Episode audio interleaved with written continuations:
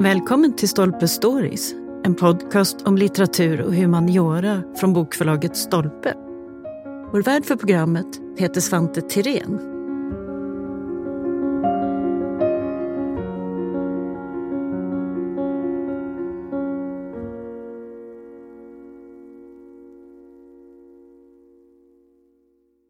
I ett annat avsnitt har vi pratat om 1700-talets syn på klimatlära och eldstäder. Men den här gången ska vi titta närmare på hur kakelugnarna såg ut.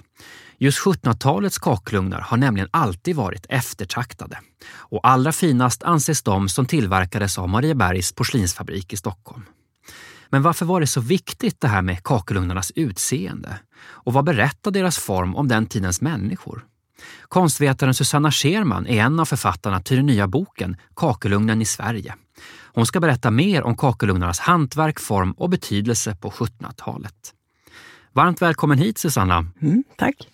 Du har ju länge forskat om kakelugnar. Du har bland annat skrivit en avhandling om Marieberg och Rörstrand och också en Augustprisnominerad bok faktiskt på, på samma ämne. Och då undrar man, varför blev kakelugnar så viktigt i din forskning? Ja, det var egentligen en ren tillfällighet. Eh, för det började ju när jag höll på att doktorera i Lund eh, för ungefär 25 år sedan. Eh, och då skulle jag egentligen skriva om flintgods och tryckta dekorer på flintgods. Jaha, andra typer av porslin och så? Ja, precis. Ja. Och då satt jag på Riksarkivet och på leta efter material till det. Och då hittade jag en hög med papper om kakelugnar som handlar om Rörstrand på 1740-talet och vilka kakelugnar som de hade gjort och vilka som hade köpt dem och var de hade blivit uppsatta under en viss period. Eh, och då blev jag helt besatt av det och började leta efter dem. Så det var så, det var egentligen en slump ja. som ledde in det på just kakelugnarna? Ja, precis. Och då släppte jag det andra och fortsatte med kakelugnar. Ja, och har fortsatt med det ända sedan dess? Ja, precis kakelugnar, jag tänker idag så är det väl många som tänker på dem som ja, mysiga och, och väldigt fina och sådär.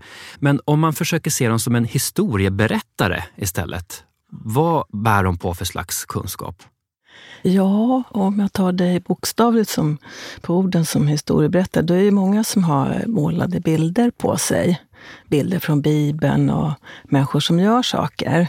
Eh, så det var i början av 1700-talet, då kanske man satt bredvid kakelugnen och pratade om de här bilderna. Så de målade dekorerna var samtalsämnen? Som, ja, precis. Ja. Och det är någonting som kommer från Tyskland, då, för där var det mycket bilder. Och, och även i Holland, de här holländska kaklen med människor som gör saker, mycket i Bibeln. Och en del har ju ordspråk och saker målade ja, på sig också. Precis. Men om man tänker på kakelugnarna då, de berättar ju förstås om värme. De berättar mm. väl om inredningsideal. De bär på ganska mycket information va, kan man väl säga om, om den här tiden? Ja, absolut. För det handlar ju om eh, vad man tyckte var fint att passa in i rummet. Så det handlar mycket om utseende. Så att det efter den här perioden som jag pratade om med bilder, eh, då blir det anpassat till rummet på ett annat sätt och modet. Eh, så rokoko med blommor och lite senare nyklassicism som en kolonn och så vidare. Är det så att kakelugnarna blir med tiden mer och mer så att säga, designade för att passa med resten av inredningen? Precis, det stämmer. Och I slutet av 1700-talet då, då började man till och med måla kakelugnarna så att de skulle passa in med måleri på väggarna. Och det är väl det som många tycker är lite av höjdpunkten i kakelugnens historia, sena 1700-talet? Ja, kanske det. Eh, för att samtidigt så är det ju så att de här blommiga från Marieberg, de blev ju omoderna. Och istället började man då måla över oglaserade kakelugnar eller gjorde dem helt vita så att det skulle passa in. Eh, så det är en helt annan epok. De är verkligen en spegel av smak och nya trender. Så. Ja, absolut. Ja. Men du, vi måste ju reda ut lite, för ibland så säger man att kakelugnen är en svensk uppfinning och det finns ju mm. lite myter och, och, så om kakelugnar. Men den här idén om just kaklade eldstäder, var, var kommer den från i, i början? Ja, från början så kommer det då nerifrån eh, Tyskland och länderna där runt omkring. Så att när man börjar tillverka i Sverige, då tror man att det kom hit tyska hantverkare börjar göra kakelugnar här i Stockholm. Och det är väl också länder som är kalla på vintern och har ganska mycket skog? Ja, absolut. Där runt om Schweiz och Österrike, det är kallt och Tyskland och så vidare. Lite som, som Sverige. Ja. Och om jag förstått rätt så alltså redan under medeltiden, sen medeltid, så kommer det kakelugnar hit till i alla fall södra Sverige? Ja, precis. Och hit till Stockholm också.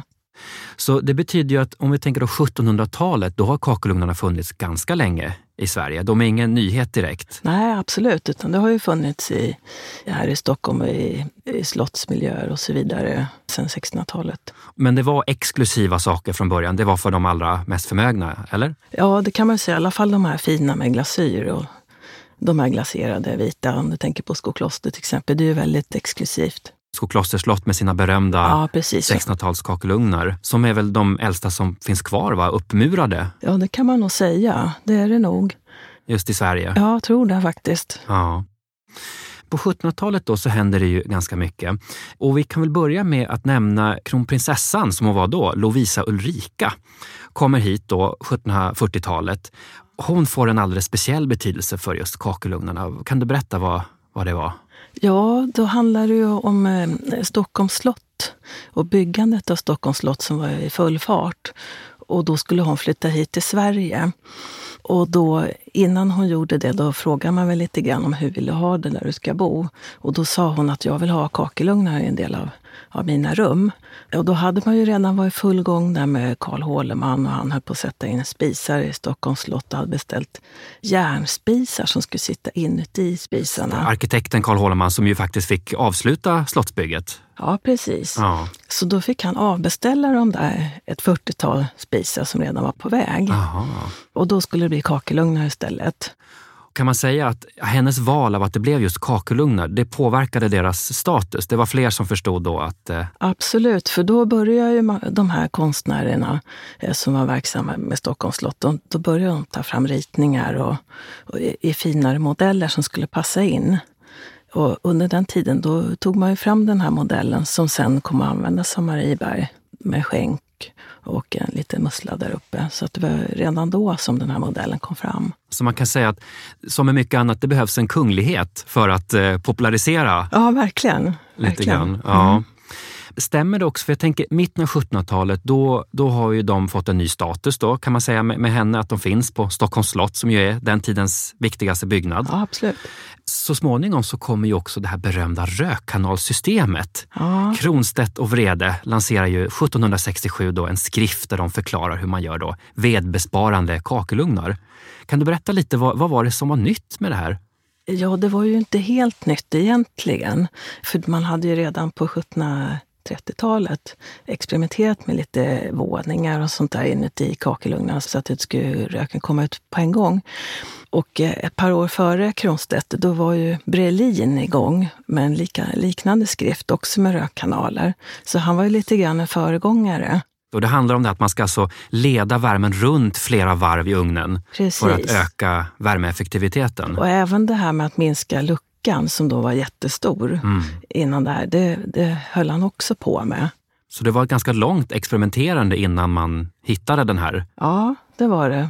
Det har väl blivit så att Kronstedt har blivit namnet för det här som hände, men det var ju många inblandade såklart. Ja, inte minst vrede har väl ibland hamnat lite i, i skuggan kanske. Absolut. Ja. Ja. Men okej, först så blir de väldigt populära. Vi har den här formen, alltså att det är, det är vitglaserade kakelugnar med dekor. Mhm. Eh, och sen kommer då rökkanalsystemet, eller en, en ny variant i alla fall av det. ja. Vad händer med kakelugnarnas utseende? Påverkar det här nya rökkanalsystemet hur de ser ut utanpå? Nej, det gjorde ju inte det. Utan de här kakelugnarna, de fanns ju redan. Eh, De hade redan tagits fram då under 1740-talet, den här som blev ganska mycket standard, den här formen. Och även de runda. Så att det man gjorde då, det var att man plockade ner de gamla kakelugnarna och murade upp dem ur de nya rökkanalerna. Så det var ju kanske en finess också, att man behövde inte ändra på estetiken. Utan, eh, Nej, utan det gick ju att, att stoppa in. Ja. Precis. Men det här med luckorna, för det skriver de väl om också i den här skriften Kronstedt och Vrede, att storleken på luckorna ska man gärna hålla nere va? Ja, precis. Och eh, under en viss tid så var de väldigt stora. Om man tittar tillbaka så först var de små då i början på 1700-talet. Sen plötsligt blev de väldigt stora och sen återgick man till små. Var det lite för det här modet med öppna spisar? Ville man närma sig det lite grann? Ja, med jag de här tror stora det. Att luckorna? det skulle se ut. Och det är inte omöjligt att man hade eh, luckan öppen också och titta på elden. Ja, för det undrar man ju också. Det här med det mysiga skenet och ibland nödvändiga också ljuset från brasan. Ja. Hur gjorde man med det? Ja, det blev ju instängt då med de här med de här små. Men jag tror man öppnade ändå, för jag har ju läst lite då och då att folk sitter och steker äpplen vid kakelugnen. Så, eh, så då måste man ju öppna. Så man kunde sitta i en fin salong och steka äpplen i sin Ja. kakelugn? Ja, visst. Det låter ju jättemysigt Ja. Vi måste förstås komma in på det här med Mariebergs porslinsfabrik. Mm. Det är ju, ja, de är ju legendomsusade på många sätt, eller hur? De Ja. gjorde ju fantastiska saker då. Men just det här med kakelugnar då. Eh, hur kommer det sig att de började med kakelugnstillverkning, Marieberg? Ja, exakt varför det har de nog inte sagt. Utan det var väl mer så att plötsligt så gjorde de en kakelugn. Och det skedde ju då när eh, Johan Liljekrantz hade tagit över. Gustav IIIs ja, finansminister kan man säga att han Ja, var. precis. Eh, Så att från hans tid är det den första. Och sen fortsatte det. Men sen var det ju så att de gick, det gick ju inte så bra på fabriken. Nej. De hade ju svårt att bli av med de här eh, lyxiga föremål de tillverkade. Så att en kakelugn var ju någonting man verkligen kunde använda, en praktisk sak. Eh, Så att det kanske man tänkte att det här är någonting som vi kan sälja. Var det vanligt att just porslinsfabriker tillverkade kakelugnar? Det fanns ju kakelugnsmakare också förstås som hade verkstäder. Men Ja, det var ju kakelugnsmakarna egentligen som skulle göra kakelugnar. Men sen hade ju Rörstrand hade ju börjat och gjort några kakelugnar lite då och då som man känner till. Ända sedan 1730-talet. Eh, Och det tyckte egentligen inte kakelugnsmakarna om då, för de tyckte att det hade de ensamrätt på. det kunde bli lite spänningar där mellan manufakturerna och skrået. Ja, precis. Mm. Idag tänker man då, när man hör ordet porslinsfabrik, då tänker man industriell masstillverkning. Sådär. Hur, hur var det egentligen på Marieberg? Ja, det var ju en fabrik. Det var det ju. Men då, om vi tittar just på kakelugnar så då hade de ju under vissa perioder en person eller flera som gjorde kakelugnar. Så det var ju ganska hantverksmässigt där också. Eh, så att han fick då eh, göra hela kak... Ja, han gjorde ju bara kaklen, men han fick väl göra allting antagligen. Kalla sig för kakelmakare, det, det som jag har sett. Men kan man säga att skillnaden mellan en vanlig kakelugnsmakarverkstad och Marieberg, är det helt enkelt skalan? Eller i övrigt är det ganska mycket samma hantverk? Ja, det är ju samma hantverk fast det var kanske finare gjort på Marieberg. Då. Och sen hade de ju hela den här fabriken med all kunskap i och med att de andra föremålen de gjorde på ett sånt fint sätt och mycket mer arbetat än vad man kunde göra i en verkstad. Mm.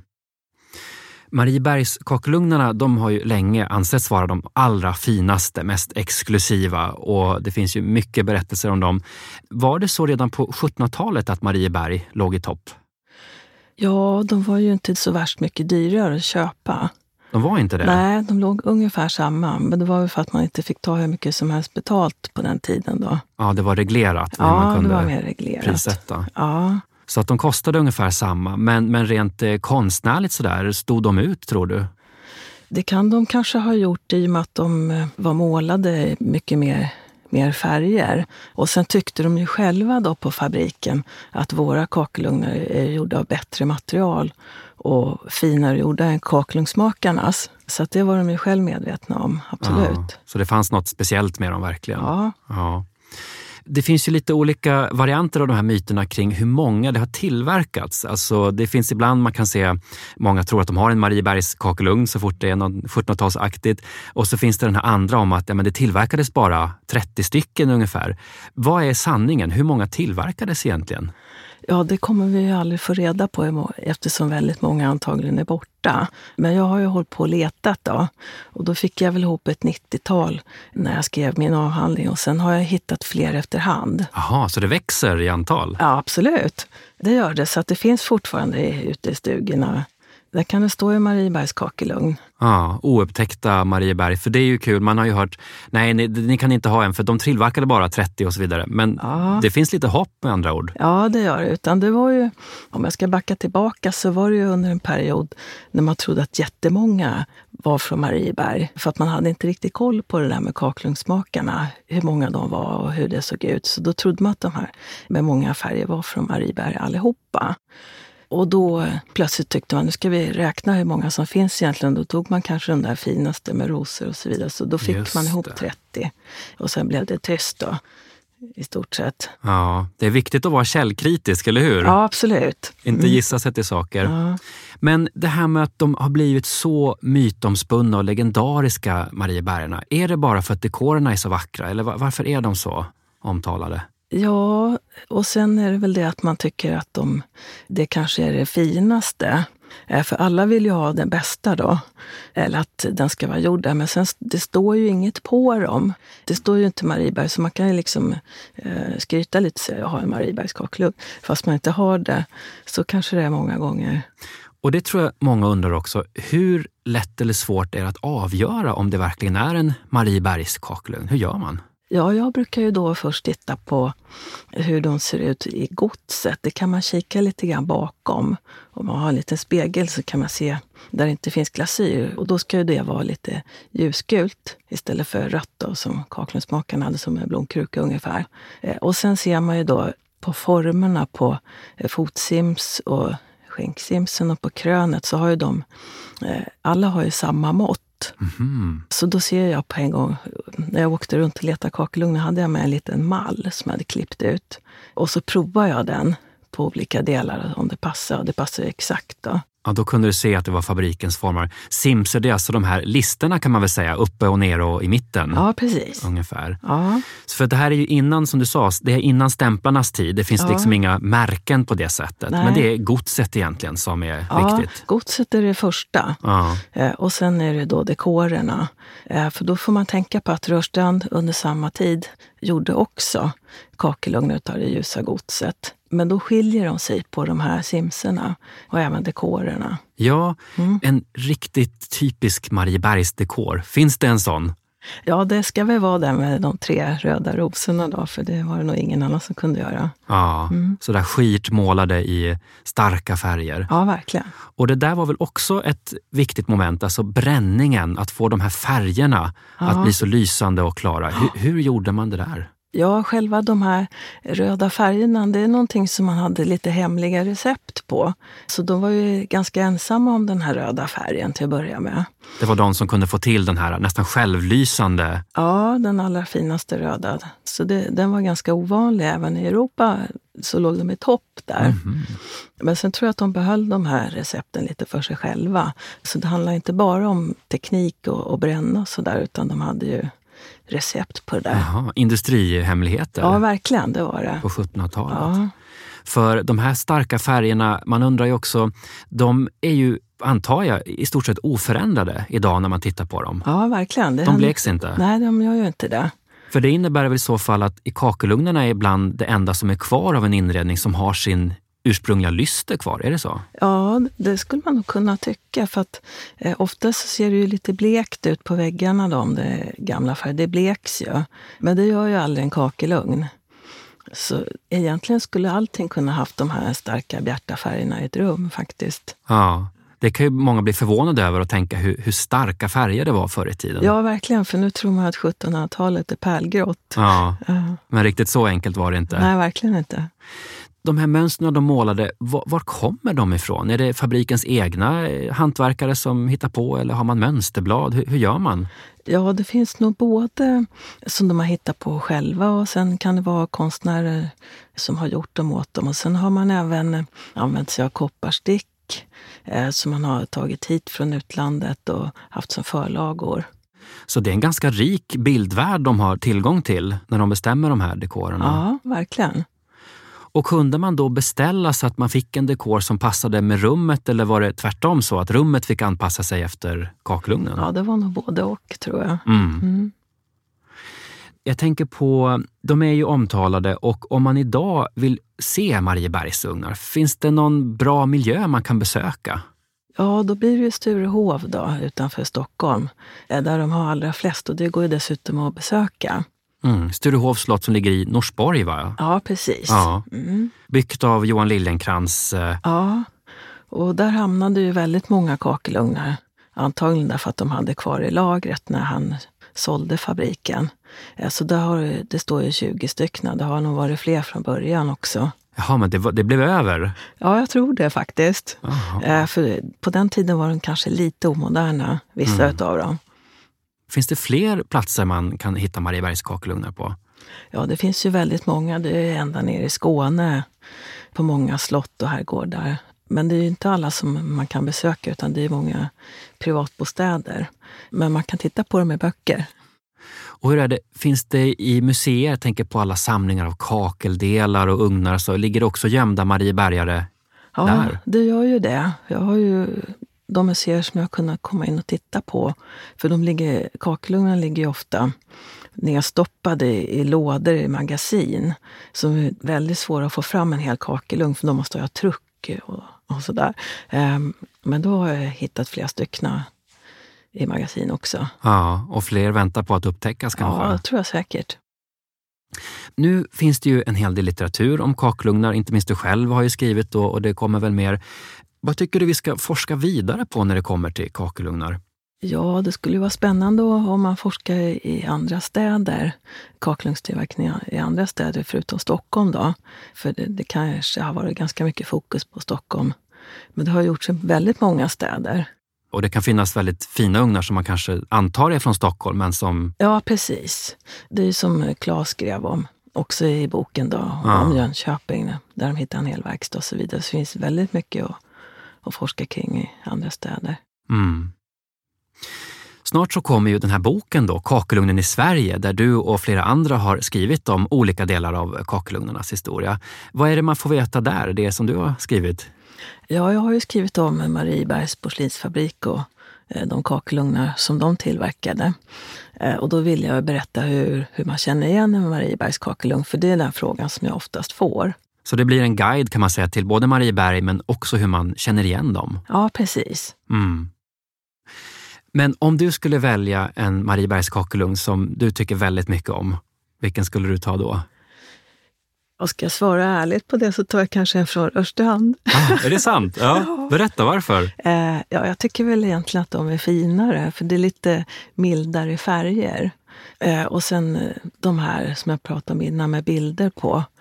Ja, den typen tycker jag är allra finast. Blåa vita med, med bilder på. De är kanske lite mer lättsmälta? Ja, det här med stå blanka med röda rosor, det är kanske inte min personliga smak, även om jag tycker de är spännande att, att skriva om och forska ja. om. Men jag skulle inte vilja ha någon hemma hos mig. Nej, spännande. Mariebergskakelugnarna är ju jättekända och, och, omskrivna då förstås. Men hur är det med andra? Till exempel Rörstrand, borde vi lyfta fram dem lite mer också? Ja, det tycker jag, för att de är ju precis lika fina. Och det finns ju både äldre eh, kakelugnar från Rörstrand som är, är, väldigt fint målade. Och sen finns det även den här med det fina godset som gjordes samtidigt som Mariebergs kakelugnarna. Så att det är flera olika eh, perioder där. Om man tänker sig ända från 1730-tal och, och in på 80-talet då, som ja. de har tillverkat. Och sen har ju de, när Marieberg lades ner, då fanns ju Rörstrand fortfarande. Och vad de gjorde sen, eh, där finns det en liten lucka då vad de fortsatte att göra för kakelugn, om de nu ens gjorde det. Ja, för Marieberg går i konkurs. Det är en omskriven fabrik, de gjorde väldigt fina saker men det gick inte ihop till slut. Nej, utan det var ju så att Rörstrands ägare köpte Marieberg till sist och sen la ner efter några år bara. För då hade det gått dåligt väldigt länge. Mm. Så det var några, en, en kort men intensiv period som Marieberg verkade? Ja. ja. Så vi borde kanske lyfta fram Rörstrand och kanske också fler då av landsortens kakelugnstillverkare. Ja, verkligen. Det skulle vara spännande att, att, läsa mer om. Ja, vi får se vad som kommer fram i, i fortsatt forskning. Aha. Stort tack för att du kom hit, Susanna. Ja, tack.